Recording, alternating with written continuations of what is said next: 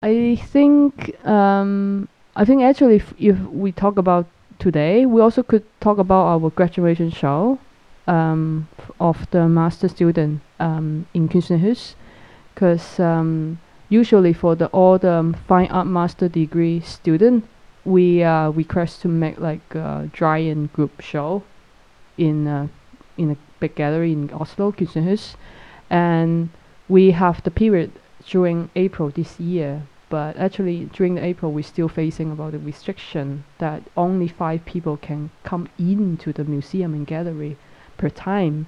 So we have been talking about at least three months, and then I think everyone in the class and also the curator said, then how about just close the whole gallery and then we're just going to do like artist in residence. Hmm. Yeah, but uh, and It was interesting to see see all the pictures and, and work, and you made a website as well, right? yeah. Yeah. Yeah, we just it's also uh, yeah, it's um I think at that time we also feel like constant pain, like uh, not knowing really like what to do, like if we are gonna open up a show or if we are gonna like just do something offline or what to do. So the idea to like the, the idea of having a like residency or turning an institution into an like a residency without audiences became really like it, it came up really kind of late like in almost march last year or like april and we sort of feel like yeah like since we talked like bobby talked about like um, like intimacy and also healing the need to be healed or like the need for like healing ourselves became like a, uh, like a common ground for us to see ourselves to be at.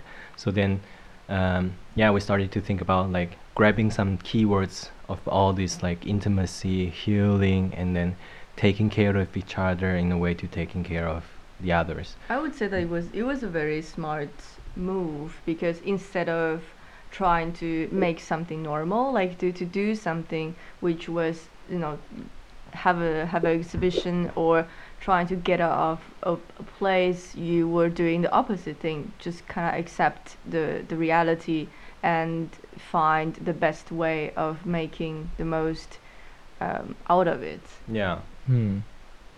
Yeah, I mean it's I don't I, I yeah I think it's like for us I mean at one point maybe we kind of just realized like that if it is like a very abnormal situation then we should just not pretend that it's normal. Yeah. Yeah. And Yeah. also like as an artist like people always expect you to give out like everything you do is giving.